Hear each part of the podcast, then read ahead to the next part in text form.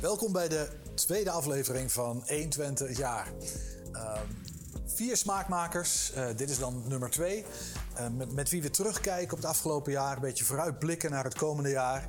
De staat van het land verkennen en de krochten van hun ziel doorwrog, door, door, doorzoeken. Ehm, voordat we naar de gast gaan van deze aflevering, kijken we even of mensen op straat enig idee hebben wie deze man is. Deze meneer, is hij de nieuwe directeur van FC Twente? Theaterbaas of Twents OMT-lid? Geen idee.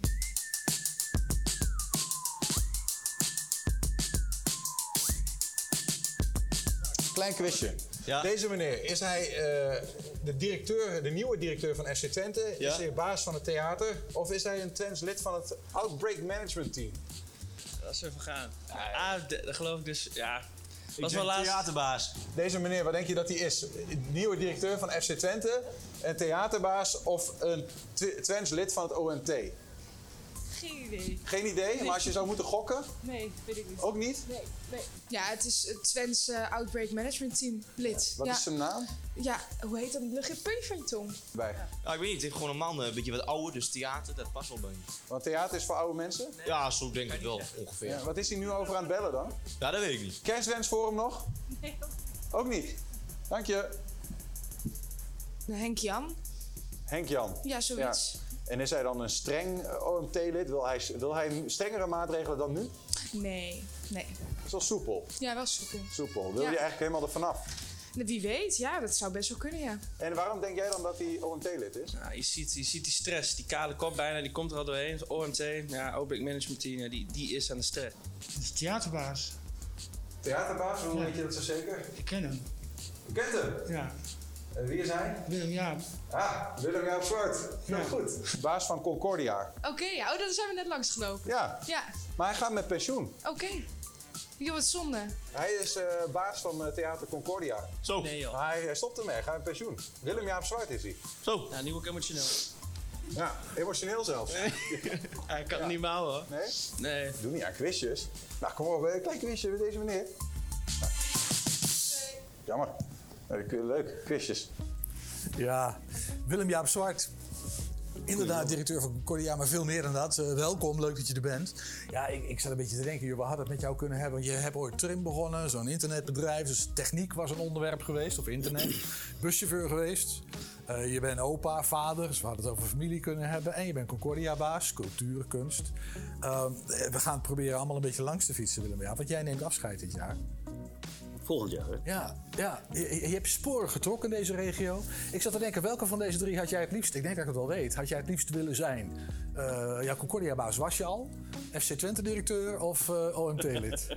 Ja, dat is een makkie. dat- nou, dan wordt het toch FC Twente-directeur. eh. ik zou niet moeten denken dat je de verantwoordelijkheid hebt als OMT-lid het, het kabinet te adviseren en dan te moeten afwachten wat ermee gebeurt. Dat is een drama, lijkt mij ook. Ja. Hey, eh, ontzettend leuk dat je er bent. Ik zie uit, eh, erg uit naar dit gesprek. Ehm, eh, je- bent een, een Brabants jongetje, hè? Os oorspronkelijk. Correct. En verdwaald in Enschede, al Ja. heel lang geleden. Maar ik wil even terug naar dat jongetje in Os. Wat voor jongetje was dat? Ah, dat is, daar, daar kunnen we lang en breed over praten. Wij eh, behoorden tot de kleine gereformeerde minderheid in Os.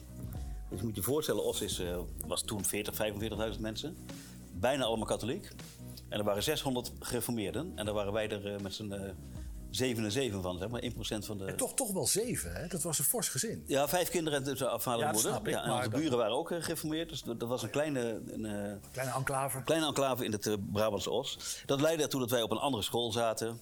Zeg maar, op een, eh, met alle niet-katholieken zaten wij op één school. Het was dan een openbare school. Nee, dat was een bijzonder, bijzondere openbare school heette dat Bijzondere dan. openbare Openbare school hadden ze niet. Het was of katholiek of bijzonder openbaar.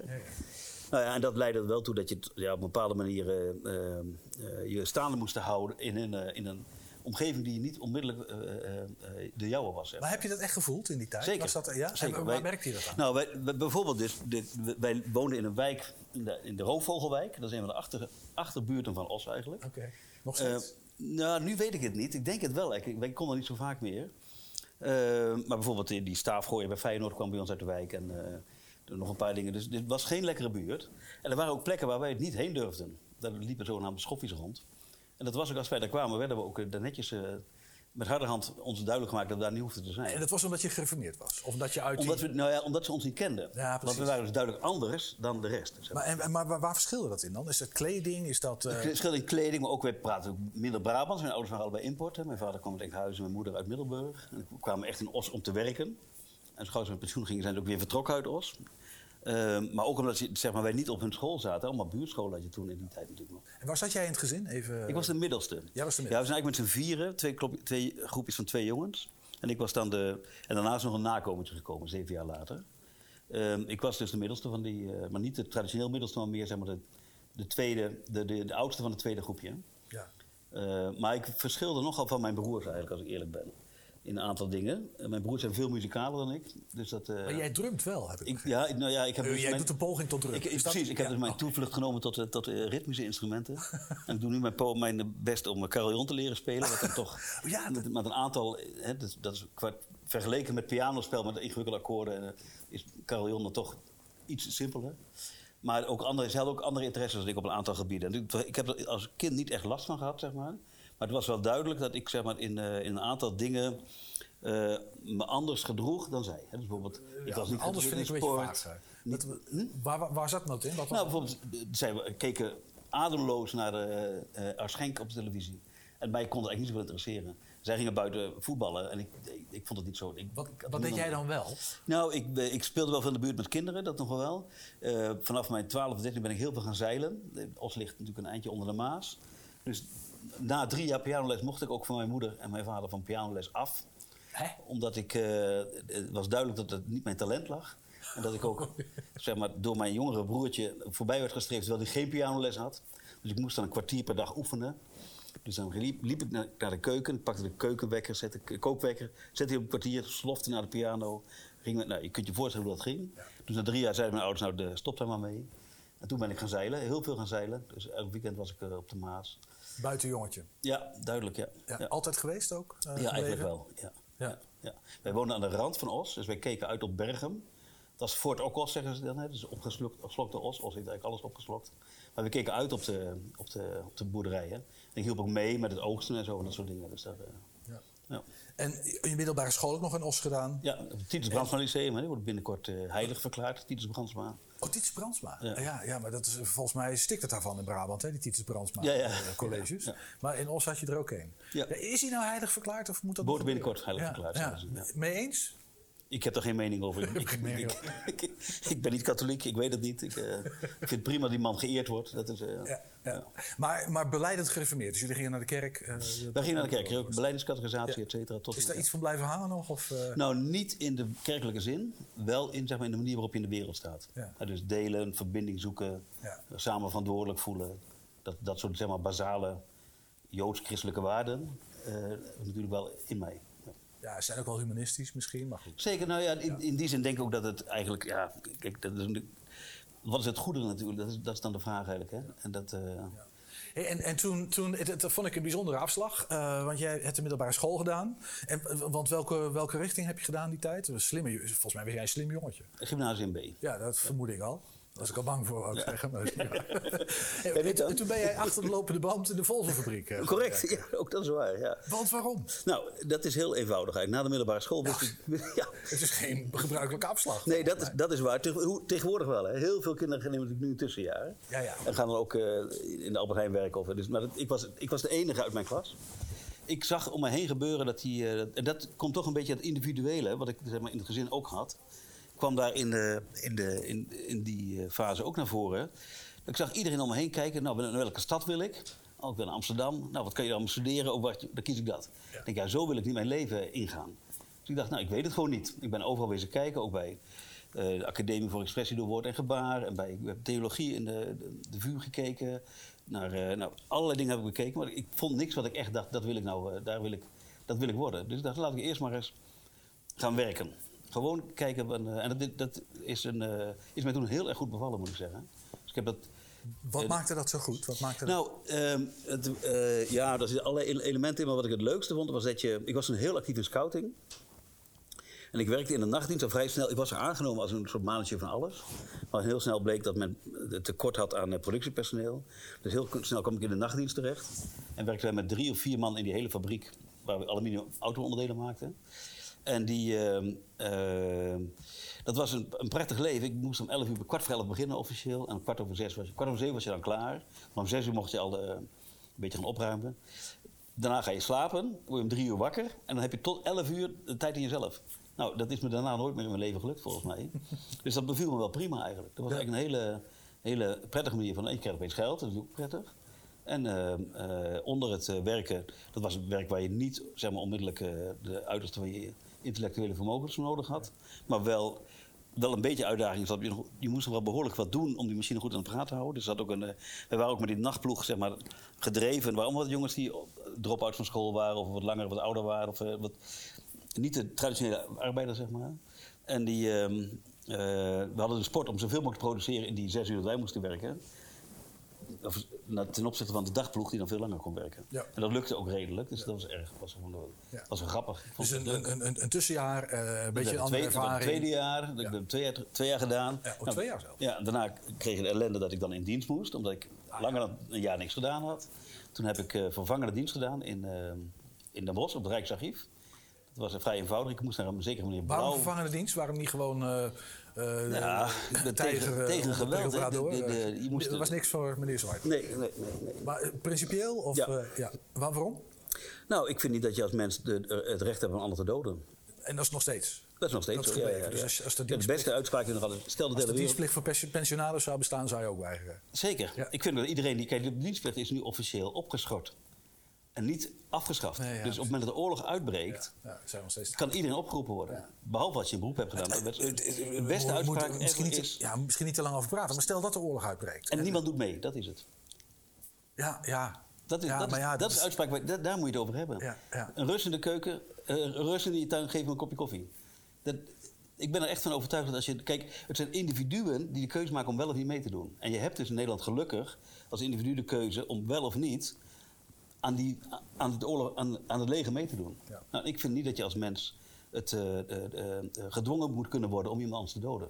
En dat is ultimo, als je het leger ingaat, is dat de, Ja, de dat is het consequentie. idee van het leger natuurlijk. Exact. Ja. Ja, maar als er niemand aan meedoet, Ja. en dat is natuurlijk ook, dat is, je bent altijd verantwoordelijk voor je eigen daden. Dus als niemand meedoet, nou, Kind van de jaren zestig. geen oorlog. Misschien, ja. ja. Ik hoor het wel een beetje. Hey, en, en toen ben jij, en toen ben jij eh, in, uiteindelijk bij een Enschede verdwaald. Ja. Eh, dat is na die diensttijd dan geweest? Nee, dat heb ik nog een jaar in Ja, Nijmegen nou, op school misschien, gezeten. Misschien, Ja. misschien niet je hele doopzeel eh, lichten. Maar, maar even dat verhaal. Want je bent in Enschede terechtgekomen Mm. en je bent hier gaan studeren. Dat is volgens mij, is, is dat of is het niet zo gegaan? Dat is ernstig. eh, Dit dit is wel een, eh, hier raak je wel een punt. Wij zijn in Enschede terechtgekomen vanwege een gebrek aan geografische kennis. Ja. ja, toch niet zo goed opgelet op school. Nou, ja, dat, dat, dat- misschien Heb je toch dat de- gymnasium gehad? Nee, ja, Maar sorry. Ja. Maar het verhaal is eenvoudig. mijn, wat vrouw, was het? mijn vrouw was klaar met haar studie toen. Was jeugd, eh, jeugdwelzijnswerk gedaan. Solliciteerde alleen maar op... wij wonen in Nijmegen, of in Lent eigenlijk. Dat is tegenwoordig ook Nijmegen, maar goed, in Lent. Beviel ons uitstekend. Dus wij wilden daar blijven wonen. Dus zij solliciteerde alleen maar op functies die in de... of advertentie in de, in de Gelderlander stonden. En op een gegeven moment stond er advertentie in Losser. Wij dachten, nou, dat zal hier dan wel in de buurt zijn. En eh, toen ze uitgenodigd werd voor een gesprek, bleek dat dus niet daar in de buurt te zijn, maar ver weg. Terwijl Enschede, Hengelo liet ze allemaal links liggen. Maar nou ja, toen was het de jaren, midden jaren tachtig, Ja. grote werkloosheid. Ja. Is ze uitgenodigd voor een gesprek. Na één gesprek aangenomen, ja, dan is goede raad duur. Maar goed, Losser is geen Enschede. Maar je, je koos ervoor om in Enschede te gaan wonen. Ja, eerst even in Oldenzaal een half jaartje gewoond. En toen En, Enschede. en, en jij bent toen eh, hier aan de UT gaan studeren. Zeker. hè? En toen ben je onderwijskunde. Toegepaste onderwijskunde, ja. Ja. Weer een hele andere afslag. Nou ja, ja, dat weet ik. Dat voor mij ligt het Waarom allemaal... onderwijskunde? Onderwijs, nou, het was de, de, wat mij heel erg aansprak daar... was dat het een ingenieursstudie was... om problemen in het onderwijs op te lossen. Het is eigenlijk ook meer een hbo-studie dan een universitaire studie. Je kunt vergelijken met architect of met dokter. Of met, gewoon een- je leert een beroep. Hè. En wat, ik- wat ik heel erg interessant vond daar... en daar ben ik ook uiteindelijk ook op afgestudeerd... is het gebruik van computers, interactieve technologie... als, eh, als onderwijsmiddel. Ja, precies. Oké. En dat is dan ook de link naar Trim. Ik, We, gaan nu in, in een razende vaart natuurlijk, hè? nemen we dat even door. Ja. Want jij hebt Trim opgericht. Hè? Jij Zeker. bent daar de starter van, of Ja. met een clubje vrienden. Met twee anderen, ja. Misschien even voor mensen die dat niet kennen, wat is Trim precies? Waar staat het ook voor? Ah, dat is interessant. TRIM staat voor Training Interactieve Multimedia. Zijn we in 92 begonnen, 93 officieel een VOF opgericht. En het idee was, wij, deden toen, ik werkte toen op de UT als een onderzoeker. eh, naar het gebruik van computersimulaties in het onderwijs. Ehm, eh, dat is nog steeds relevant onderzoek, dus dat is eigenlijk 30 jaar later. Hè, nu, maar goed, we zullen niet overal over uitweiden. Eh, toen kwamen er allerlei mensen bij dat onderzoeksproject die iets wilden, maar waar de universiteit eigenlijk geen antwoord op kon geven. En dat hebben we toen gedacht, nou, laten we maar ook. Toen was ook een grote werkloosheid. Dachten we, laten we maar voor We hebben onszelf het over beginnen. het pre-internet-tijdperk. Hè? Zeker. Dit is eh, voordat internet gemeengoed een CD-ROMs, CDI, eh, interactieve video met beeldplaten, met eh, van die grote zilveren schijven, Ja. die met barcodes werden aangestuurd. We gaan zo meteen nog even, even, even iets, iets meer over. Dat vind ik wel leuk. En Concordia uiteindelijk. Maar misschien nog even, dat vroeg ik me ook wel af. Mijn moeder komt uit Brabant. Ik ben in Eindhoven geboren. Mijn moeder heeft altijd een soort heimwee gehad naar het land onder de rivieren. Wa- Was jij een soort klein duimpje dat de broodkrameltjes eh, had neergelegd? of, of juist niet? Nee, nou, ik. ik eh, kijk, we hadden niet gedacht dat we hier zo lang zouden blijven, maar het beviel hier uitstekend. Ja. Dus waarom zou je weggaan? De kwaliteit van leven dus- is, hier, is hier zo hoog. Maar nooit verlangd naar. eh, Nou, we hebben even eh, in de periode vlak voor de op de werken gekeken naar Arnhem. Toen werkte ik in Wageningen. Dat is, de reistijd was toch wel ingewikkeld toen. Eh, maar toen konden we opeens het huis van de buurman kopen. Dacht, ja, dan eh, is de keuze snel gemaakt. ja. En gewoon echt blijven hangen. Ja, En, en, en ja, goed, het feit dat jij eh, een echte tukker bent geworden. eh, eh, je wilde je. directeur van FC Twente worden. Maar FC Twente, daar heb je ook echt wel iets mee, hè? Eh, ja, natuurlijk. Wie niet hier? Dat mag ik, mag ik hopen. Ja, dit, dit- dit- ja, dat is zo gegroeid. Hey, eh, ik, ik, wil zo meteen even ehm, eh, eh, een beetje naar, het- onderwerp. Je hebt je sporen nogal getrokken in Enschede. Op allerlei, en in de regio. Ja, je doet er een beetje bescheiden over. Toch denk ik dat dat wel waar is, maar dat komen we zo meteen. Maar voordat we dat doen, kijken we even naar een, eh, naar een filmpje. Welkom in deze pool van Jolijt. Zo begon het werkoverleg altijd bij Trim in de tijd van Willem Jaap Zwart. Ja, daar hebben we wel wat van geleerd van Willem Jaap. Een slim man en ja, eigenlijk een voorbeeld voor hoe het zou moeten. Af en toe de befaamde uitspraak dat iets maar vijf minuten werk zou kosten. Maar stiekem toch altijd wel iets meer zou zijn. Maar goed, wel eh, iemand die erin bracht dat, dat je het werk doet wat je leuk vindt. En dat dat dan het werk is waar je op waardeert. Door je baas en door je opdrachtgever. En dat groeit. Mensen groeien ermee. Ja, en dat maakt dat je echt enorm, enorm kunt genieten van je werk. En dat je groeit in je werk. Dus dat is iets wat we altijd mee hebben genomen. Nou dan. Wie is dit? Mark Woesthuis. En dat is? Dat is, was werknemer nummer 5 bij Trim. was werknemer nummer 5. Die hebben wij, eh, heb ik bij Trim gehaald omdat hij eh, de FC Twente website al gebouwd had. En die hebben wij zeg maar, opgenomen in Trim. Dat was de eerste website van een professionele zeker, voetbalclub, hè? Zeker. Die had Mark zelf gebouwd. En de eerste officiële website van de voetbalclub. Ja. En Mark samen heb ik ook zeg maar, de eerste live uitzending van de voetbalwedstrijd gedaan. Eh, FC Twente Schalke 04. We hebben nog de NOS FC meegehaald. Twente Schalke 04, dat was de eerste live op Wedstrijd, internet juist. uitgezonden voetbalwedstrijd. Hoe zag dat eruit? Dat was een postzegeltje. Er konden 50 man tegelijkertijd naar kijken. Vijf, hoeveel? 50. Zo. En eh, eh, Mark zat eh, in het stadion te filmen. En ik zat achter de server af en toe alle, die, die 50 mensen uit te kicken. Dat er weer opnieuw, want die server kon het niet helemaal aan. Maar dat heeft toen ook de NOS, we Studio Sport nog gehaald. Waarbij Mart Smeet zei, nou ja, als dat de toekomst is, dan hoeven we niet zo bang te zijn. nou ja, goed, de rest is geschiedenis. Ja. Maar uiteindelijk heeft Mark eind 2002 samen met Katie Trim van ons overgenomen. Ja. Hey, maar e- even die, die postzegel voetbalwedstrijd. Eh, welk jaar hebben we het over? Eh, FC Twente Ja, dat weet 04? Mark beter dan ik. Ik De dacht, ik denk zullen dat weten. 98, maar ik weet het niet zeker. 98, Ja. En dat was een, een, eh, een, een Europa Cup wedstrijd? Nee, dat was een oefenduel. In, in een open dag. Ja. Ja. Hey, maar, maar eh, want daarin, het, het Trim was eigenlijk toch wel een. Was het het eerste bedrijf in Nederland dat echt iets met internet Ik deed? zeg of altijd het de- derde. Sorry? Ik zeg altijd het derde. Want? Ja, er waren twee anderen al die al wat deden.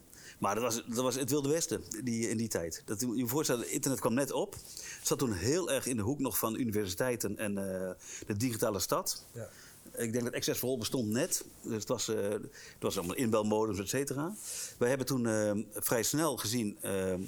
wij wilden interactieve spullen maken. Dat kon met CD-ROMs en dingen. Maar het internet heeft natuurlijk voordeel dat je het op één plek neerzet... en iedereen er altijd bij kan. Dus we zagen heel snel, dit is iets wat, ehm, wat, wat echt meerwaarde heeft... en een revolutie kan betekenen in informatietechnologie, in informatievoorziening... en in communicatie tussen mensen. Ehm, dat, eh, eh, we dachten, dat, dat is heel goed voor het onderwijs. Nou, dat bleek na vier gesprekken dat het onderwijs daar absoluut nog niet aan toe was. Die waren nog bezig met eh MS-DOS-machines uit te rollen en eh, floppy disken te verspreiden. Dus toen hebben we heel snel hebben we toen de overstap gemaakt naar het bedrijfsleven. En, we en toen heb ik moeten zoeken echt naar waar kan ik websites die ik bouw commercieel ergens plaatsen.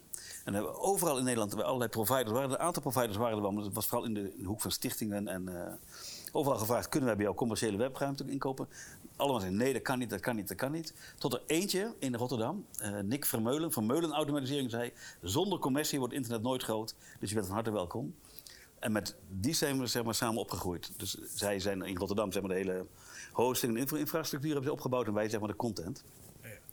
Twee bedrijven, helemaal dat, bedrijven. Dat, dat was dus echt pionieren. Volledig. En volgens mij En de- een van de eerste commerciële internetwebsites ook. hè? Zeker. Ja. Eh, Ja. Philips, dacht ik, is dat KPN? Philips, Heidemij, Ja. eh, het ministerie van Onderwijs, Ja, nou ja. de KPN. Nou, Ja. Allerlei hele grote. Dus wij werken. En het mooie is natuurlijk. Het, werd toen echt wel gedacht. En, en dat moet ik Mark nageven. Mark heeft dat veel beter gedaan dan ik. Wij waren echt, zeg maar, wij stonden in de top van Nederland. Eh werkte heel veel voor Philips. Zowel Philips Semiconductors, Philips Lighting, Philips Centraal. Maar in, in eh, Enschede en Twente kwamen we niet aan de bak. Dus Grols, Bolletje, FC Twente hadden we dan wel. Daar kwamen we gewoon niet binnen. Dat heeft Mark nu wel voor elkaar. Hè, dus. En- maar waar zat hem dat in? De- toch een beetje de gereserveerdheid van eh, de kat uit de boom kijken en even, eerst even kijken wat het wordt. Dat kan niet goed wezen. Dat Ja. kan niet goed wezen. Ja, ja precies. Ja. Hey, en in En 2002, eh, dat gaat weer in een razend tempo, maar het is even niet anders. 2002 eh, bij, heb je Trim verkocht. Ja. Eh, Ja, we, jij- ik, ik en mijn vrouw samen. Hè. Ja, oh, ja. Hilde is vanaf 98 of zo ingekomen. In, eh, Misschien iets later. Nou, dat weet zij precies. Jullie zaten allebei in dat bedrijf. Zij was de financieel directeur. En zonder haar was het ook, had het nooit zo groot kunnen worden. Want eh, toen wij, als je een bedrijf eenmaal 10 man personeel heeft... dan heb je iemand nodig die dat zeg maar, kan structureren. Nou, dat kan ik niet. En zij wel. Ja. Oké. Dus jullie hebben samen dat bedrijf verkocht. En, en toen ben jij eh, buschauffeur geworden. Dat vond ik ook wel heel grappig, zag ik. Toen dacht ik ook weer...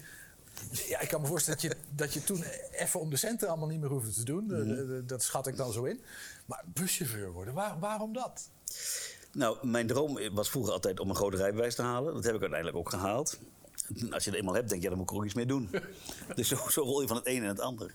En buschauffeur is echt een geweldig beroep. Wat- maakt dat zo leuk? Nou, het is, je hebt, eh, wat maakt zo leuk? Nou, Twente is natuurlijk hartstikke mooi om erheen te rijden. Ja, ja, dat kan je ook in een, een open dakje doen. Hè? Een Klopt. mooie cabrio kopen. Klopt. Nou, een En, bus is eh, natuurlijk een Heel de magnifiek- hartstikke ja. mooi. Tuurlijk kan, maar een bus is een magnifiek instrument. Die maakt mensen ook nog blij, want ze moeten van A naar B. En dat, dat regel je dan. Het is een volkomen gereguleerd bestaan. Het is op de minuut is het had duidelijk wat je moet doen. aan? Nou ja, het is wel heel erg anders dan directeur zijn van Ja. een organisatie van 30, 40 man. Maar was, was het dat wel een beetje? Een beetje, een beetje bijkomen van Ja, de pionieren en zo'n bedrijf opbouwen? Ja, En. Trim bestaat nog steeds, is gegroeid. Zeker, hè? ja. Dat eh, gaat nog steeds heel goed. Oké, dus het was een beetje tot rust komen. Ja, en ook het, eh, ja. En het, wat mij ook wel aansprak daarin is dat je, zeg maar, je bent zelfstandig, maar je eh, hebt eh, vlot contact. hè, je maakt met allerlei mensen een, een praatje wat niet zo diep gaat. Hetzelfde gaat voor je collega's, want je, omdat je, hè, daar rij je zoveel buschauffeurs tegelijkertijd rond. Maar die heb je heel af en toe pauze met elkaar en dan maak je een praatje en dan ga je verder. Dus het was ook vrij luchtig bestaan. Het is een, eh, ik, vond, ik vond het heel prettig. Wat heeft je dat gebracht, die periode? Nou, ehm, de, de, de, ja, dat, is- dat is moeilijk in uit te drukken. Dat is, dat is gewoon leuk om te doen. Dat is gewoon leuk om te doen. En ik, ik- wat Mooi. het allerleukste was daarin, is, ik ben, heb niet alleen voor Connection gereden, maar ook voor, de, voor TAT-tours. En dat vond ik het allerleukste, schoolreisjes, maar ook eh, schoolreizen naar Engeland met, eh, met een groep kinderen en zo. Dat, dat, nou, dat komt ook weer een beetje wat ik vroeger natuurlijk met scouting heel veel deed, met groepen kinderen op stap. Dat, was, eh, dat is hartstikke leuk om te doen. Ja.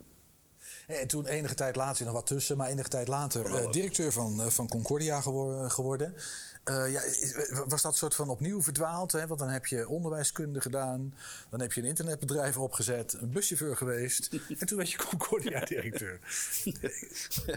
Ja, ja, je slaat een heleboel over. Ja, dat weet ik, Maar dat in die, snap ik. ik zal, nadat, ik, nadat wij Trim verkocht hadden, heb ik tien jaar lang allerlei verschillende dingen gedaan.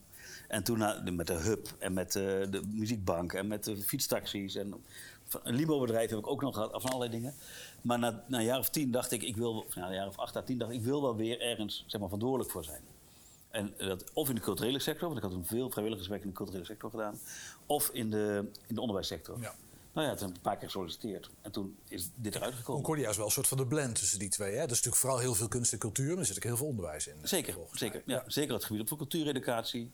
Dus dat, dat lag mij ook wel, zeg maar. Ja. Hey, en, en toen jij bij Concordia kwam, eh, stond Concordia daar nou niet direct heel florisant voor? Even helemaal niets ten nadele van alles wat ervoor gebeurd is. Maar, eh, en met name die bonbonnière, hè, de, dat prachtige Ja. oude theatertje. Ja. We gaan heel even kijken. Nou, dat is niet heel even, dat is ietsjes langer. Maar ik heb dit filmpje uitgekozen omdat ik het briljant vond. Ehm, laten we even kijken en dan gaan we het er even over hebben. Hallo lieve mensen in Theater Concordia. Mijn naam is Micha Wertheim en ehm, mij werd gevraagd om iets bij te dragen aan deze bijeenkomst om Concordia te behouden. En ik vond het eigenlijk een beetje moeilijk. Ik ben één keer in Concordia geweest en ik vond het verschrikkelijk mooi. En het enige waar ik toen boos over was, is dat ik er niet veel vaker had mogen optreden. Omdat het echt een van de mooiste theatertjes is die Nederland volgens mij rijk is. Maar toen ging ik denken, hè, van wat, wat, wat, ehm, ja, wat, wat is eigenlijk de reden om zo'n theatertje te behouden? En toen dacht ik, nou, allereerst is het theatertje heel erg, heel erg oud. Ehm, eh, ik heb het even gegoogeld en ik kwam uit op 1902 dat het opgericht is. En toen ging ik nadenken en toen realiseerde ik me dat ik gewoon, dat is zo oud dat ik niemand ken uit 1902. Het enige is dat ik als klein jongetje nog mijn opa kende en die is geboren aan het eind van de 19e eeuw. Dus die was toen al een klein kindje. En toen bedacht ik mij dat ik ehm, één ja, levend wezen ken nog dat uit 1902 komt. Ik weet niet of eh, mensen een beetje mijn, eh, eh, mijn eerste programma gezien hebben. Maar in mijn eerste programma heb ik het op een gegeven moment over het bonsaiboompje dat bij mijn opa staat. Nou, dat boompje. Dit is hem. Dat boompje staat inmiddels bij mij thuis. En in mijn voorstelling vertelde ik al, dat boompje is. eh, mijn vader haatte dat boompje. Dat was het eerste wat ik altijd hoor. Hij stond toen ik klein was, stond hij alweer bij ons. Maar mijn vader haatte het boompje, want het was een hobby van zijn vader geweest. En er werd altijd heel moeilijk over gedaan, want het is een heel eh, bijzonder levend wezen. Dat moet heel voorzichtig beschermd worden. Dus je mocht nooit spelen of voetballen in de kamer waar het bonsaiboompje stond. Op een gegeven moment kreeg mijn vader kreeg dat boompje dus. En die moest ervoor zorgen, zonder dat hij eigenlijk ooit de keuze had gemaakt dat hij voor dat boompje wilde zorgen. Eh, en inmiddels heb ik het boompje. En het gekke daarvan is, is dat als je zo'n. eh, het is een erfstuk. Eh, maar omdat het leeft, word je gedwongen je erin te verdiepen. En dan gaat het ook steeds meer eh, voor je leven. Ik weet inmiddels een beetje meer over bonsai-cultuur. Korte cursus eventjes. Bonsai betekent boom in pot. Dus het is eigenlijk altijd het geheel van de boom met de pot. Eh, dit is niet de originele pot. Het is wel een oude Japanse eh, eh, bonsai pot. Met de pot van mijn opa waar die in kwam. Die is gebroken. Mijn opa heeft hem gekregen waarschijnlijk ergens rond 1900 als klein jongetje. Eh, want toen was er wereldtentoonstelling in Parijs. Daar was zijn vader geweest, mijn overgrootvader. En daar heeft Japan eigenlijk de bonsai beroemd gemaakt over de hele wereld. Die hebben daar, dat is bij de Eiffeltoren, hè, dat was de wereldtentoonstelling. Japan stond daar ook en hebben toen de bonsai. eh, is toen eigenlijk doorgebroken, klein boompje, over de hele wereld. Boom in pot betekende. Deze is eh, in de Miyogi-stijl ge- geknipt. Dat wil zeggen dat hij, als je goed kijkt, heeft hij een, een, eh, een soort eh, ja, een, een, eh, een gebogen opgaande stijl. Ieder bonsaiboompje wordt op een andere manier gebouwd, zoals ook ieder theater anders is. Maar je hebt wel verschillende eh, stijlen. Daar moest ik een beetje. hè, je zou Concordia is een bonbondoos. Ehm, ik, nou goed, ik, ik, ik kan er heel erg lang over blijven praten. Terwijl ik eigenlijk helemaal niet gekozen heb hiervoor. Maar het is een soort verantwoordelijkheid die je krijgt. Ik eh, moet hem ook onderhouden. Dat doe ik met een naagschaartje. Eigenlijk hoort er eh, een speciaal Japans bonsai gereedschap bij. Dat is een heel mooi schaartje, maar dat, dat is ook antiek. En daar is ooit in een erfenis ik ruzie over gekomen. Dus dat ligt bij mijn tante. Bovendien is dat niet scherp genoeg.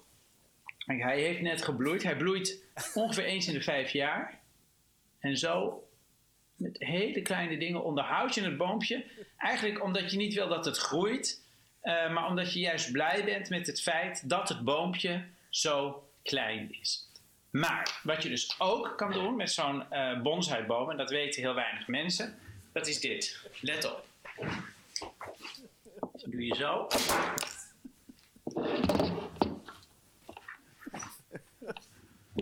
Dus, en dat is eigenlijk een beetje het plan met Concordia.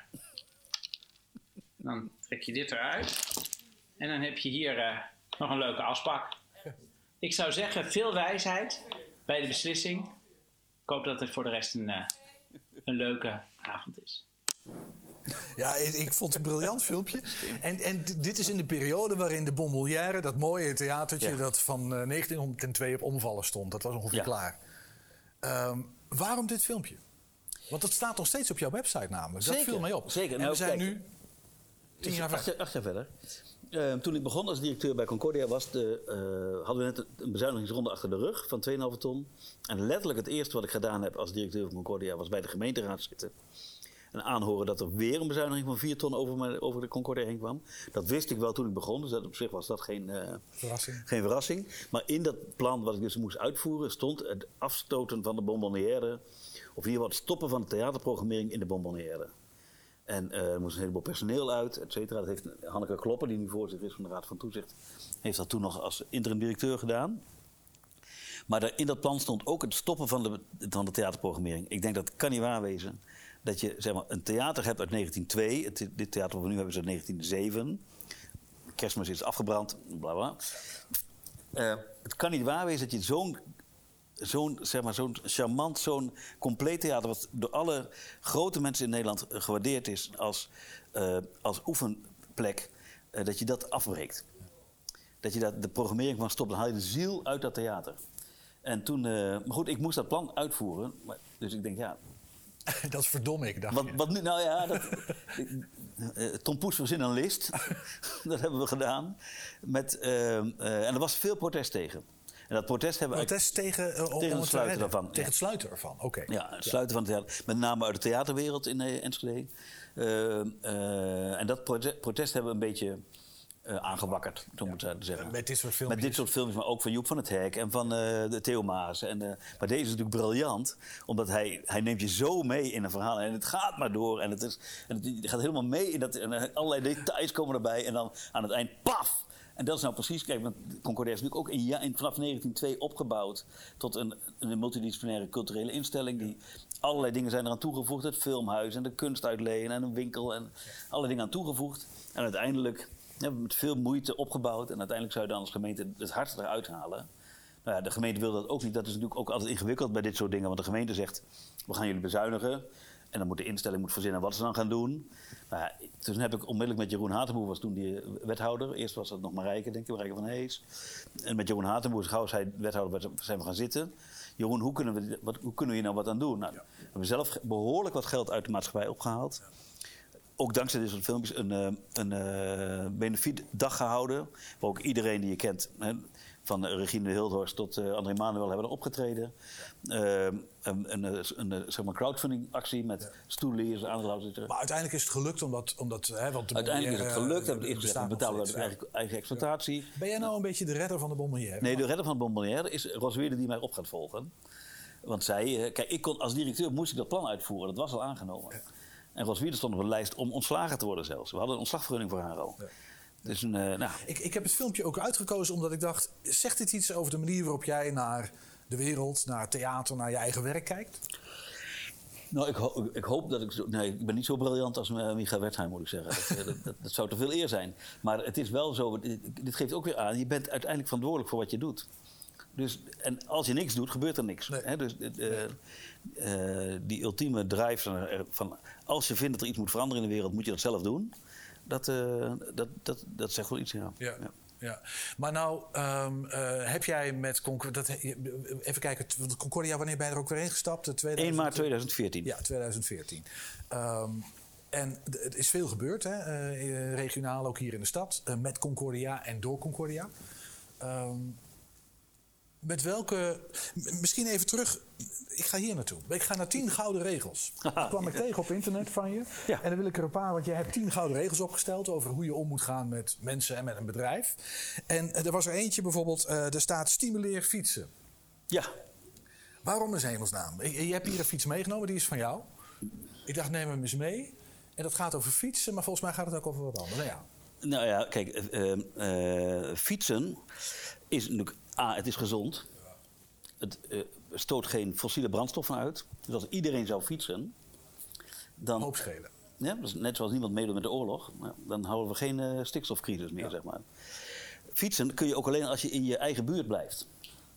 Dus het, eh, dat ongebreidelde door Nederland heen crossen voor je werk... Is natuurlijk, is, vind ik waanzinnig. Denk, waarom? Want je, je, je pro- ik vind dat je moet proberen om betekenis te zijn in je eigen omgeving. Dus dat zijn allemaal... Maar jij zegt twee dingen. Je zegt fossiele brandstoffen. Ik hoor jou zeggen, en daar ben ik een beetje naar op zoek. Van wat, wat, wat zit daar dan onder? Eh, is is ehm, van betekenis zijn in je eigen omgeving. Ja, Dus, dus eh, zorg dat je in je eigen omgeving iets doet. ja. think global, act local. Ja. Dat is eigenlijk heel simpel. Als je ziet dat er iets, iets Ja. wat misgaat, moet je proberen om dat in je eigen omgeving... Ja. Eh, Want eh, even naar deze fiets, hè. Eh, vertel het verhaal. Ja, niet, niet, niet heel maar Nou, deze, deze fiets door is... Jurgen. Ja. Eh, heeft hij een grote prijs mee gewonnen. Heeft daarna geprobeerd in productie te nemen. Volgens mij heb ik de eerste gekocht en tot nu toe nog de enige de vorige keer dat ik hem sprak. Volgens mij wel. Ja, maar ehm, is, dit, is een prachtig... Maar is lokale kunstenaar? Een lokale kunstenaar. Het is een combinatie ook van kunst en technologie. Doe eigenlijk dit natuurlijk. Dat past heel goed bij Twente. Om en iets moois te maken, maar het ook zeg maar, technologisch handig te maken. Eh, dus ik vind het gewoon een hele mooie fiets. Het is gewoon een kunstwerk en een fiets. Dus, ehm, Maar, maar daarmee eh, pak je dus iets wat lokaal eh, gebeurt. Een lokale kunstenaar die lokaal iets ontwerpt. Ja. Met dat lo- lokale element van we zijn ook een beetje een techniekstad. Ja. En dat koopt dan Willem Jaap. ja. Dus de enige, want ik, op een gegeven moment zag ik hem bij Concordia voor de deur staan. Ja. En ik wist eigenlijk nog niet dat hij voor jou was. Ik wist dat Jurgen hem gemaakt had. Ja, ja, ja. Maar ik denk, wie fietst op dat ding? ja, ik dus. Ja, jij dus. Ja. Maar dat zegt iets over jou. Ja, misschien wel, ja. ja. Ja, daar doe je een beetje bescheiden over. Ja. Stimuleer fietsen. Maar iets anders wat ik... Maar ook nog onder het fietsen kun je ook tot reflectie komen. De, kijk, als je moet auto fietsen is toch vrij ontspannen. Dus Ik fiets sowieso heel veel, maar eh, het is, kijk, woon-werkverkeer is tegenwoordig geminimaliseerd tot de trap ongeveer. Hè, als je kijkt naar de, in de lockdown. Maar eh, naar je werk fietsen en weer terug fietsen betekent dat je even een overgang hebt waarbij je kunt reflecteren: wat heb ik nou eigenlijk gedaan? Waar ben ik mee bezig? Dus dat is net als met hardlopen of met. Maar, maar dat werkt ook echt zo bij jou. Dus die, die momenten van bezinning, zeg ja, maar. ik woon nu iets te dicht bij mijn werk. Maar, ehm, Ja. ja. Je kan, de, de, de tocht is te kort nog eigenlijk. Ja. Maar, de, zeg maar de combinatie van denken en doen is, kun je als een rode draad door mijn leven ook zeg maar, zien. Gewoon, je doet dingen, daarna denk je, nou, wat heb ik nou eigenlijk gedaan? En je doet weer opnieuw wat.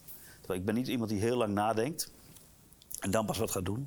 Maar gewoon, je begint, je experimenteert, kijkt wat er gebeurt. Dus ik hou van de stepping stone gedachte, zeg maar. Van, eh, Nog een andere uit die regels, die vond ik ook echt eh, een beetje... eh, laat mensen hun eigen werktijd kiezen. ja, Maar dan ook letterlijk. ja. Dus als iemand s'nachts wil werken, want dat is een nachtdier... Be my guest. En dat heb je ook echt zo gedaan altijd. Nou, bij Trim sowieso. Behalve, we hadden sommige contracten met eh, Philips. Daar moesten mensen tot 11 uur s'avonds zitten, omdat we wereldwijd dingen deden, zeg maar. Maar dan heb je toch geen enkele controle meer op je Nee. mensen? Natuurlijk niet. Dat hoeft er ook niet. Want? Nou, ik ben ervan overtuigd dat iemand zijn werk doet die hij leuk vindt. Waar hij zeg maar, eh, hart en ziel in legt. Ik moest eerder mensen, bij Trim mensen afremmen dan stimuleren. Ik geloof helemaal niet in de controle. Dus, Maar zit hem dat in een soort aannamebeleid? Is dat je een soort van, eh, een soort van, van mensen kiest die dat ook aankunnen? ik- Of, of, nou, dat, dat, of is dat, Dat is, vind ik te, kip of ei? Dat laatste. Ja. Ik geloof, als je vertrouwen geeft en je geeft mensen de, de ruimte om eh, daadwerkelijk het werk te doen wat ze leuk vinden. Ja. Eh, en daar ook zeg maar, eh, eh, wel zorgt dat als er wat misgaat, dat er voldoende basis is om dat op te lossen. Als je mensen vertrouwen geeft, dan gaan mensen gewoon vliegen. Dan gaan ze, dingen, dan gaan ze vanzelf hun werk doen. Ja. En in die zin maakt het mij echt. Bij Trim maakt het mij toen echt niet uit of iemand dat 's morgens vroeg deed, of 's avonds laat, of midden in de nacht. Dat was echt niet van belang. Nou, bij Concordia is, zijn wel iets dingen die georganiseerd zijn, want die film moet nog om acht uur draaien. Ja, precies. En de winkel in moet open, ja. et cetera. Ja. Maar ik geloof er heilig in dat als mensen vrijheid krijgen en vertrouwen, dat ze dan het beste functioneren. En dat is, volgens mij is dat los eigenlijk van opleidingsniveau of van. eh, mensen, eh, mensen willen niet eh, gecontroleerd worden. Intrinsieke motivatie. Intrinsieke motivatie. Maar, is- dan zeg ik dat volgens mij zegt dat ook heel veel over jou. Ja, wellicht, ja. Want heb jij ooit, ja, bij, bij, bij Volvo misschien, maar functioneer jij lekker onder een baas of heb jij je ruimte nodig? Ik heb enige moeite met, met autoriteit.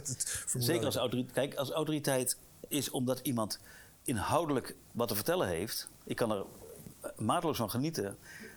Toen wij eh, zeg maar, met Trim bezig waren, die bent gewoon dingen aan het doen. Op een gegeven moment kwamen we bij Jaap van Tilburg, de innovatiespecialist van Nederland, zeg maar, zeker van hier in de regio. Die kon ons haarfijn vertellen hoe dat in elkaar zat. Van, eh, ja, jullie, zijn, jullie zijn de early adapters, et cetera. En dan dit gaat ja, gebeuren. Nou, Dan zit keurig te luisteren. en dan denk ik, Ja. die man die heeft wat te vertellen. maar als iemand mij probeert te vertellen, alleen maar omdat hij macht heeft... of alleen maar omdat hij een bepaalde positie heeft... en niet inhoudelijk in discussie gaat, dat, dat, daar, ben ik allergisch voor. Ik merk ook, dat is wel heel grappig, soms, eh, eh, je ziet dat eh, sommige studenten worden zo afgeblaft door een docent of door een stagebegeleider. Ik denk, wacht maar. En een aantal jaren later is iemand, heeft iemand een positie in een bedrijf om, en dan komt hij dezelfde mensen tegen. Nou, dan is de relatie kapot. Dus als je mensen niet respecteert of niet op, hun, op inhoud met mensen omgaat, maar op basis van positie of op basis van, van, van een historie of op basis van, zeg maar, van gewoon macht in plaats van gezag of aanzien, ja, dat, dat, dat, dat werkt niet. Ik pak er nog eentje uit die ik ook opmerkelijk vond. Want we hebben het over uh, dit, uh, Turim, dus al een tijdje geleden. Van uh, geef vaders, mannen die vader Ja, worden... tuurlijk. Vier weken ouderschapsverlof. Acht weken geloof ik was het toen zelfs. Nou, er Ja. stond nog op internet, hebben ze, ze hebben er nu vier van. Ja, dat klopt. ik Dat Trim het heeft het teruggedraaid. Maar jij had acht weken. Ja, natuurlijk. Het is absurd. Het is ik, ik vind echt, de maatschappij, als je ziet wat er gebeurt met vrouwen op het ze zwanger worden en een kind krijgen. In Nederland zie je nog steeds gebeuren dat vrouwen dan een breuk hebben in hun carrière. Nou, dat is wat, dat is, daar, daar kun je ook niks aan doen. Want ze zijn maar als vrouw geboren. Dus tegenwoordig allemaal fluïde. Dus je kunt nog eh, een beetje... Ja, nou, oké, maar, de- Maar goed. als het om geboortes gaat, is- ligt het is, nog redelijk vast. is vrij vast, hè? Ja, ja, ja. nu- wellicht dat het ook. Maar het is, het is waanzinnig dat je dan als vrouw dat nadeel hebt. Ja. En als man niet. Dus ik vind, ik vind twee dingen. Aan de ene kant, die man moet het nadeel ook hebben. Als een man een kind krijgt, moet hij ook gewoon een aantal maanden uit het, het, Een soort van uit het- verplicht. uit het arbeidsproces. Dat is, dat is die kant. Hè? Dus, dus dan, dan los je op dat je als man voordeel hebt. Eigenlijk een soort Maar- emancipatie. Maar natuurlijk, ja, maar ook als man ontzeg je jezelf zo verschrikkelijk veel door niet, eh, zolang de kinderen nog niet in school gaan, dan niet een paar dagen in de week voor te zorgen. Dat, ja, dat, dat vind ik ook een. eh, Ja, jij bent zelf vader, zes kinderen, gaan we zo meteen over hebben. over hebben, maar ja. jij, jij weet ook waar het over gaat, hè? ja, en in Eh, Scandinavië hebben ze dat veel meer eigenlijk. Ja, hè? Dus, ja, eh, dat is, Ik, ik heb het idee dat ik langzaam weet wat jij stiekem wil gaan doen. Jij wil gewoon een managementboek gaan schrijven. Nee, een nee, managementguru worden. Of misschien wel een gewone guru. Die tien regels zijn genoeg, eh, denk ik. eh. Ja, maar daar kan je een heel dik boek over schrijven. ja, maar dat, dat, ja, dat, dat, dat- nee, nee, denk het niet. gaat het hem niet worden? Dan heb je een ghostwriter nodig. Dus als je nog een. Weet je wat, wat me ook opgevallen is? Hè? ja, we kennen elkaar wat langer en ik, ik heb wat meer verhalen gehoord. Maar wat me ontzettend opvalt is dat er veel onder de vlag van Concordia gebeurt. Mhm. Zonder dat daar de naam van Concordia aan verbonden is. correct. Dat vind ik heel opmerkelijk in deze tijd, waarin iedereen zich wil profileren. En ik bedoel, dat geldt voor ons ook als wij eh, iets met. Er moeten, er moeten altijd logootjes onder en de naam moeten bij. Eh, eh, ik weet niet precies hoeveel. Kan je, hoeveel doet Concordia zonder dat een vlag van Concordia eraan verbonden is? Noem eens het voorbeeld. Nou, het is ongeveer de helft van wat we doen. Dat is echt veel. Ja, ja. En waarom, waarom is dat? Ja, Ehm, omdat wij eh, dingen doen voor de hele stad. En die eh, eh, met alle culturele instellingen of met andere instellingen samen. En als je daar te veel de stempel Concordia op drukt, dan denkt iedereen. Dan gebeuren er twee dingen. Aan de ene kant denken mensen dan: het is het feestje van Concordia, regel het maar. Ehm, dus, dus daardoor, en aan de andere kant voelen ze zichzelf niet verantwoordelijk. Dus je maakt je als Concordia dan kwetsbaar ook. Van, eh, terwijl het gaat niet om, het gaat niet om, dat vind ik sowieso, de hele culturele infrastructuur is allemaal publieke sector. Hè? Maar het gaat ook voor jullie en het gaat ook voor, de, voor het welzijnswerk. Dat is allemaal publiek geld. Want als je het even helemaal afpelt, zeg je eigenlijk als mensheid, weet je wat, we willen dat er dingen gebeuren in de maatschappij. Dan kunnen we niet in ons eentje, we leggen geld bij elkaar, daar gaan we wat mee doen. Nou, en eh, dan kun je wel als instellingen onderling gaan denken: nou ja, ik ben, ik ben eh, dit en ik ben dat. En Maar eigenlijk ben je met z'n allen de publieke sector.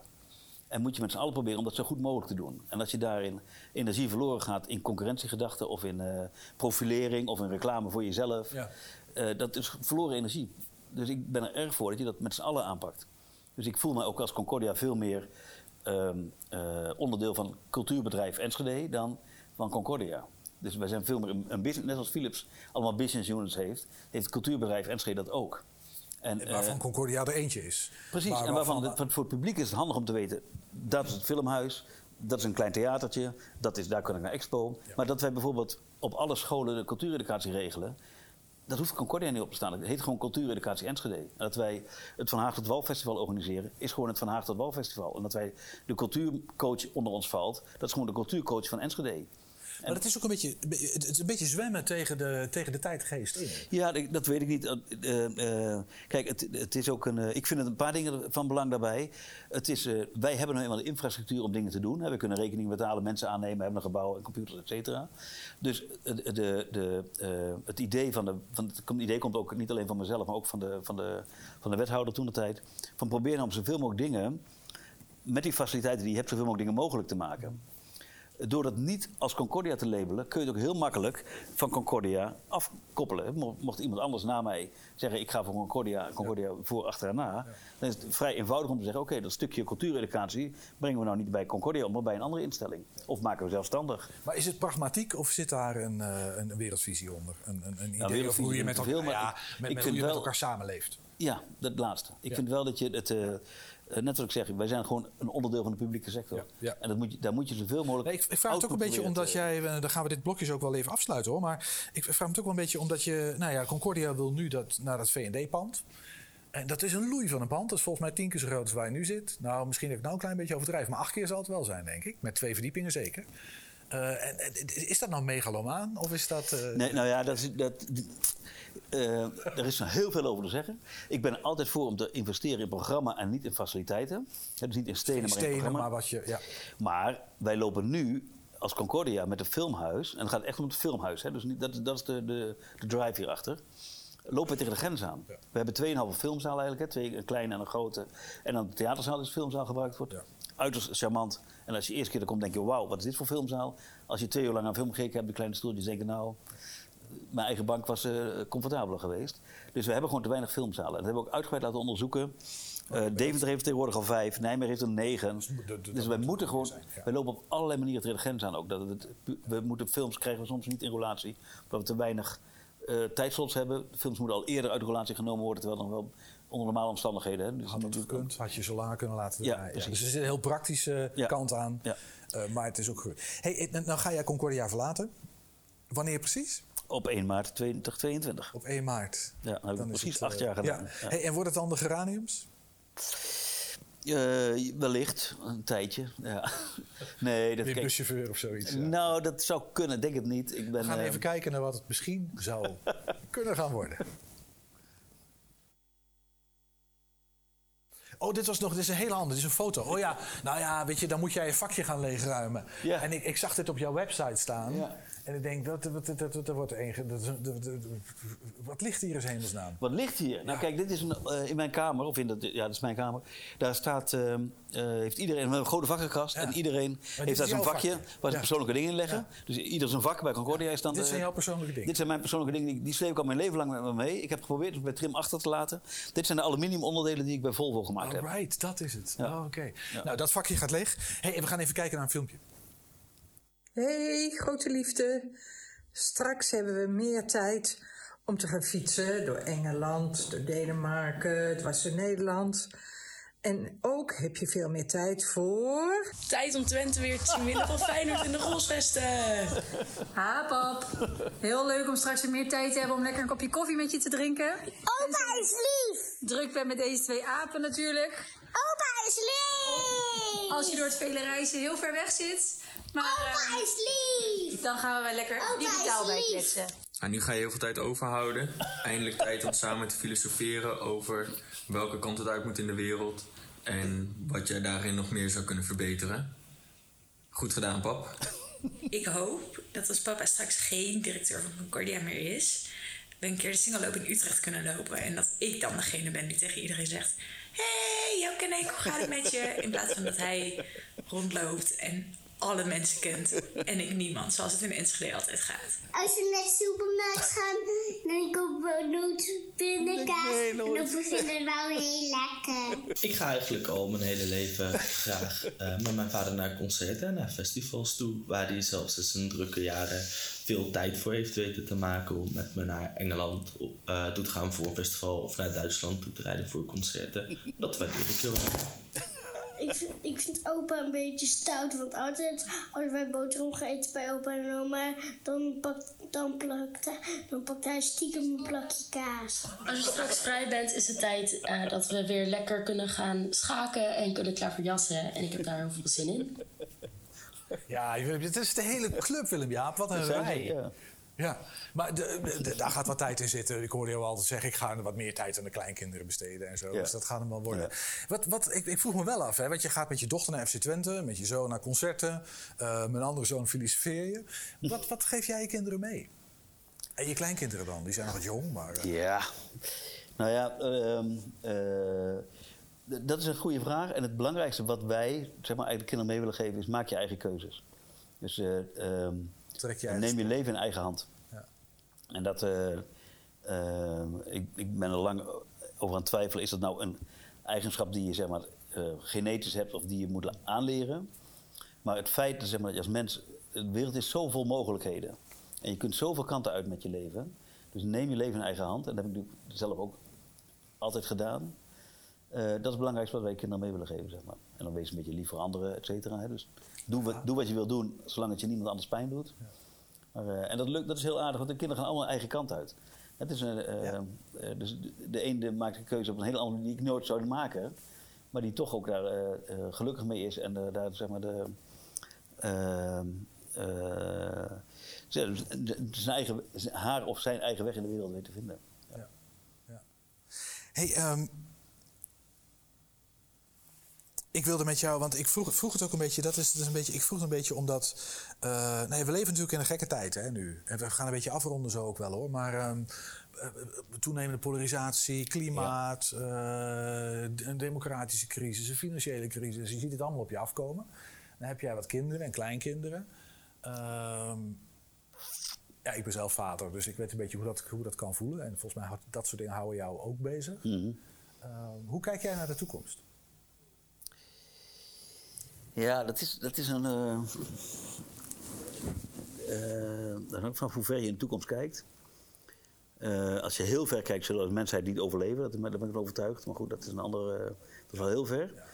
Ehm, eh, ik heb goede hoop dat uiteindelijk toch altijd mensen wel weer het, eh, ehm, het goede weten te doen. En, de, de, en de- in die zin maakt ook iedereen weer zijn eigen.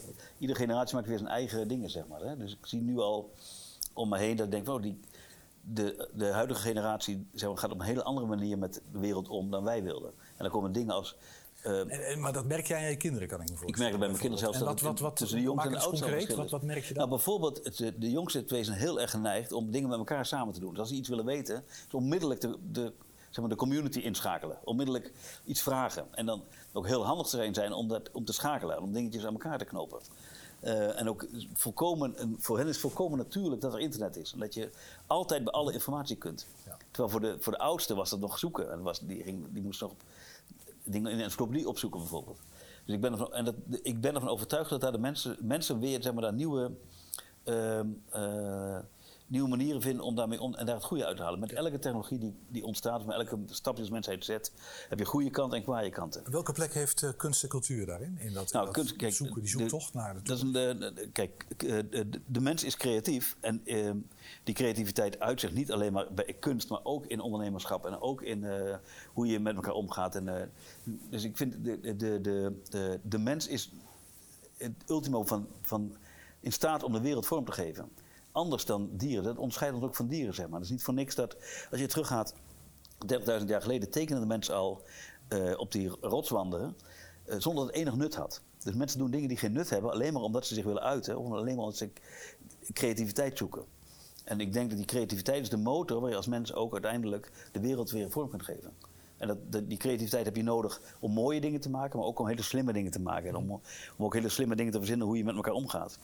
Dus ik, ik, ik zat een beetje te denken, wat is, is, is dat dan ook een soort van, misschien, ja, er zal veel meer over te zeggen zijn, maar een beetje die, die wrap-up van eh, laat mensen hun eigen tijden kiezen, laat ze iets doen waar ze blij van worden, eh, want dan leveren ze, en, en, en zoek je eigen weg, hè, wat jij tegen je kinderen zegt, want dan eh, ehm, eh, vinden ze de maximale plek waarop ze die maximale bijdrage kunnen leveren ook aan een leefbare toekomst. dat is een mooie samenvatting. eh. Mag, echt? Ja, denk het wel. Ja, Ja. ja. Oké. Dus zo zouden we hem En, kunnen... daar, sp- en daar speelt, de creativiteit speelt daar een belangrijke rol in. Ja. En ik, ik denk dat als je te veel, als mensheid te veel zit op winstmaximalisatie en op, op economisch gewin en niet op, zeg maar, op, op, eh, op eh, impactmaximalisatie of op eh, het bruto nationaal geluk, hè, wat ze in Bhutan tegenwoordig meten. Zou je daar voorstander van zijn? Zeker. Ja? Zeker. Ik ben, als je de- iemand, ik heb nog nooit iemand gehoord die op zijn sterfbad zei: Nou, ik ben zo gelukkig, ik heb 2 miljoen op de bank staan. Dat gaat altijd om. Ik heb Maar hoe komt dat dan dat we dat met elkaar toch kennelijk... Wat is nou de drijvende dat, dat kracht Kijk, dat is, achter dat is, dat is, dat is een, eh, daar kun je Ja, lang over filosoferen. Kijk, het kapitalistische systeem is natuurlijk gebouwd op winnen. En de- iedereen en, dat is, dus, en dat is ook een prikkel. Je wil beter zijn dan een ander. Of je wil iets sneller doen dan een ander. Dus dat is een prikkel die je wel degelijk nodig hebt om verder te komen. Maar als je dat alleen maar doet, alleen maar omdat... eh, ik kan, dat zou voor mij een leeg leven zijn. Zo- Dus vandaar niet de vlag van Concordia heel hoog hijsen per se, maar die samenwerking zoeken, die verbinding. Ja. Hey, we gaan ehm, ehm, nog even kijken naar, naar een videootje, want die mensen die we op straat eh, hebben gezien, die komen nog een keertje terug. Ook nog? Ja. Oké. Ja, je moet er nog even, je moet nog even kijken. En, en hebben jullie dan nog een, eh, een boodschap voor hem voor het nieuwe jaar? Een kerstwens of zo? Nou, eh, ja, hij zal het niet meer meemaken, maar ik hoop dat volgend jaar alle theaters weer open kunnen op een normale manier. Hij zal het Dat- niet meer meemaken. Nou ja, wel levend, maar niet als theaterbaas. Hij is toch met pensioen? Ja, hij gaat wel met Ja. pensioen. Oké. Oké, ja, ja, precies. Ja. Zullen we even doen? Hoe heet die ook weer? Willem Jaap Zwart. Willem, ja. Succes, hè? Succes. Nou, hij is nog, hij gaat stoppen. Oh, eh, was mooi. Het was echt mooi. Nou, dat hij nog fijn oud mag worden. Gezond en wel. Dank u wel. Met goede benen zoals ik. ik kan nog lopen. Nou meneer, ik zou zeggen, eh, heb mooi leem en eh zie maar weer. Z- eh, gaat hij met pensioen aan? Pensioen? Oh, met pensioen. Nou, geniet van de pensioen en eh, leef nog gelukkig. Wil ik hem nog heel veel succes wensen. en eh, ja, dat eigenlijk. Nou, dankjewel. Veel plezier. Ik weet het niet. Maar zal eh, Willem. Jaap een, een kerstwens of een wens voor het nieuwe jaar zou mogen meegeven? Voor alleen Willem Jaap of voor iedereen? Als u zo genereus bent dat het voor iedereen is, dat mag ook, hè? Nou, hopen dat we coronavrij worden en dat hij van zijn pensioen mag genieten. Want dat is de allermooiste tijd van je leven. Dank u wel. Zo, het beste komt nog, Willem Jaap. Best is yet to come, ja. Ja, dat blijkt. ja, zie je, zie je dan uit om ermee te stoppen of is het ook een beetje gek? Het is ook een beetje gek, want ik vind mijn werk erg leuk. Eh, dus ja, het is een beetje gek. Het is, dat is met eh, de- de afscheid nemen is een beetje sterven, zeggen ze in het, eh, Ja. in goed Frans. Maar eh, ja. Ja. Dus eh, ja, het is, het, het is ook gek, want ik, ik ben nog volop aan het werk, zeg maar eigenlijk. En dat zal ik ook blijven doen tot en met 28 Ja, je bent nou een opvolger aan het inwerken, hè? Of, of, ja, die begint eh, vanaf 11 januari of zo, geloof ik. ze, Ja. En dan, en dan komt dat einde. Hey, en eh, als jij nou vooruit kijkt naar, naar het nieuwe jaar voor jezelf en misschien je gezin, maar laat, even, laat het gewoon even bij jou houden. Mhm. Ehm, wat zie je voor je? Of, of is het echt een soort van: ik heb geen idee. Nou, en misschien word ik wel weer buschauffeur. eerst- of ga ik diep zee duiken? Of Ik- nou, dat geloof ik niet. Eerst een beetje uitblazen. Weer gaan zeilen, dat is sowieso eh, wat meer tijd voor. heb, je, eh, heb, je, heb je een boot zelf? Nee, nu niet. Nee, nee. Nog niet? Nee, nu niet. Nee, nee, nee. Heb ik altijd wel gehad, maar de, sinds we hier wonen niet meer. Dat is het enige nadeel aan Twente. Is dat er eigenlijk Ja, je geen water is. Ja. Eh, maar we hebben een huisje op Texel, dus daar kan het wel. Ehm, eh, dus eerst een beetje uitblazen. En naar familiebezoek op Corsica in Italië. En daarnaast heb ik allerlei hobby's die ik op ga pakken. En ik ben ook in- nog op allerlei manieren cultureel betrokken bij eh besturen van het een en ander. Het blijft Twente. Al zonder meer. Het blijft Enschede zelfs. Ik kan me niet anders voorstellen. Ja. Right. Hey, wat zou jouw wens zijn voor. Ja, we leven natuurlijk in een gekke tijd nu. Die theaters die dicht moeten, we kennen het allemaal. Maar misschien even los van het feit dat de theaters weer. Dat het zou mooi zijn als de theaters open kunnen. Wat zou jij ons, ons toewensen? Ehm, ik zou de, de, de Enschedese bevolking, of zeg maar de Nederlandse bevolking, willen toewensen dat je eh, meer verbinding met elkaar hebt. Minder, eh, minder de polarisatie, minder gescheld, minder, eh, maar meer respect voor elkaar en Heb je meer een tip voor ons? verbinding. Eh, nou, één, ga niet anoniem lopen schelden op internet, maar probeer altijd in gesprek te blijven. Probeer altijd in gesprek te blijven op een vriendelijke, op, op een, op een eh, respectvolle manier aan een ander. Ook al is een, heeft een ander een hele andere mening dan jij, probeer om daar ook begrip voor te hebben. Dankjewel. We, we, gaan, we gaan het ter harte nemen. Ik hoop het. Dank Willem-Jaap Zwart was dat. eh, nog steeds directeur van Concordia. Binnenkort bijna niet meer. En ja, wat hij gaat doen, weten we nog niet helemaal. Dit was de tweede in deze serie afleveringen. Eh, het staat allemaal online, dus je kan er terugkijken. Morgen praten we met Pepijn van Houwelingen, Forum voor Democratie, lid in de Tweede Kamer, afkomstig uit Enschede. Erg benieuwd naar dat gesprek. Dankjewel voor het kijken voor nu.